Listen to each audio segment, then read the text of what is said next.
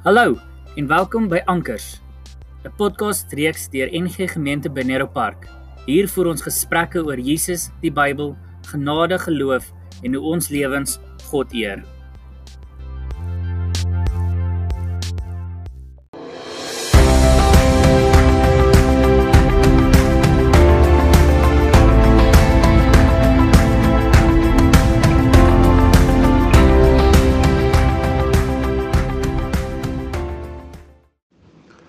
Goeiemôre.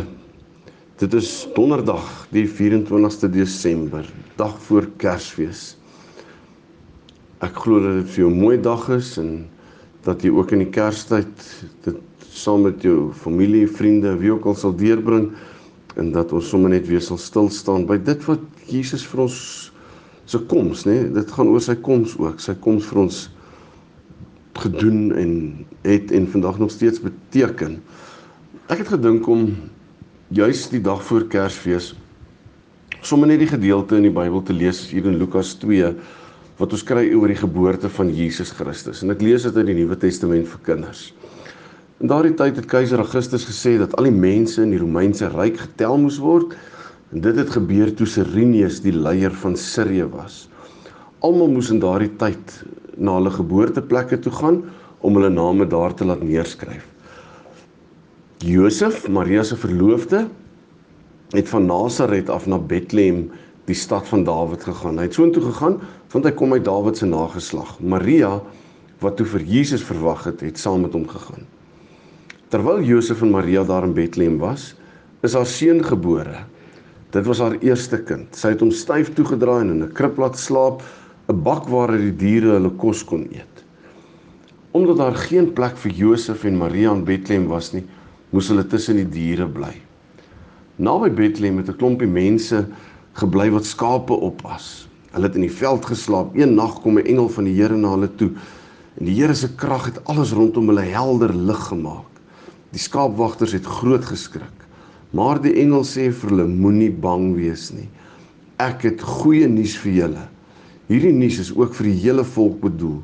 Vandag is die redder in Bethlehem gebore. Hy sal almal wat glo se sondes wegvat. Hy is Christus die Here. Gaan soek na 'n baba wat styf en doeke toegedraai is en in 'n baklent slaap. Dit is hy. Skielik was daar baie engele rondom hulle. Hulle het God geprys, eer aan God. Hy bly in die hoogste hemel. Daar is nou vrede vir almal op aarde wat in Christus glo. God vier fees oor hulle. Nadat die engele terug is na die hemel toe, sê die skaapwagters vir mekaar: "Kom ons gaan dadelik na Bethlehem toe om die kindjie te soek van wie die Here ons vertel het." En dan lees ons verder dat hulle hom so gekry, ehm um, en uh vir Maria ook en so aan en uh dat hulle toe terug is na hulle skape toe en dat God geprys oor alles wat hulle gehoor en gesien het. Dis so 'n mooi verhaal, maar wat vir my mooi is, is die aankondiging um, van die engele wat gesê het maar ehm um, sê hulle moenie bang wees nie.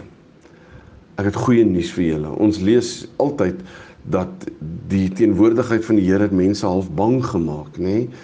Ehm um, ek dink byvoorbeeld die twee keer wat Jesus aan die mense verskyn het na sy opstanding, het hy vir hulle gesê het vrede vir julle. Jy weet, moenie bang wees nie. En dan die hele ding wat die engele sê is moenie bang wees nie, ek het goeie nuus vir julle. En vandag is die redder in Bethlehem gebore. En hy sal almal wat glo se sondes wegvat. Hy is Christus die Here.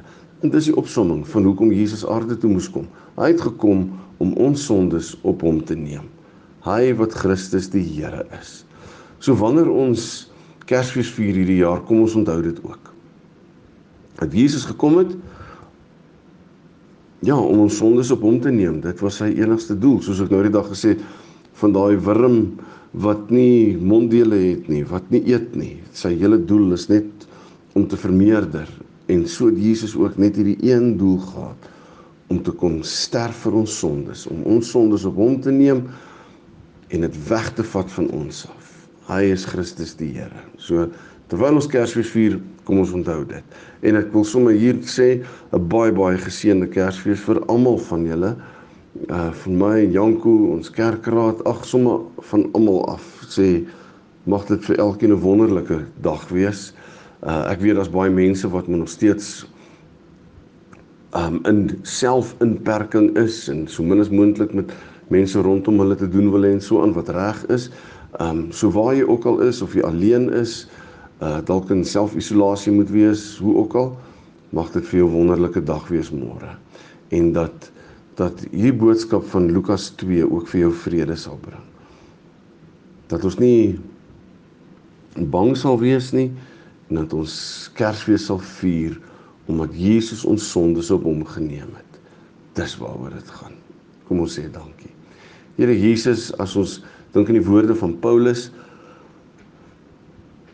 dan sê hy hy het die sonde van die wêreld het hy op hom geneem en hy het nie vasgeklou in sy godheid nie maar hy het mens geword. Jesus daarvoor dank ons U dat U tot in die dood gehoorsaam was sodat U ons sondes op U kon neem. En dit is wat ons môre vier. En ons weet nie wanneer presies watter dag en datum U gebore is nie, wat nie saak maak nie, maar dit is vir ons wonderlik om eendag in die jaar te kan stil staan by u geboorte om dit te vier om dit te herdenk. Maar dat ons altyd sal onthou u staan sentraal niks anders nie. Dankie daarvoor Here. Gee vir ons vrede. Asseblief 'n vrede wat van binne kom. En dit bid ons in die naam van Jesus Christus wat ons Here is. Amen. Lekker dag verder vir almal en 'n wonderlike kersdag môre. Totsiens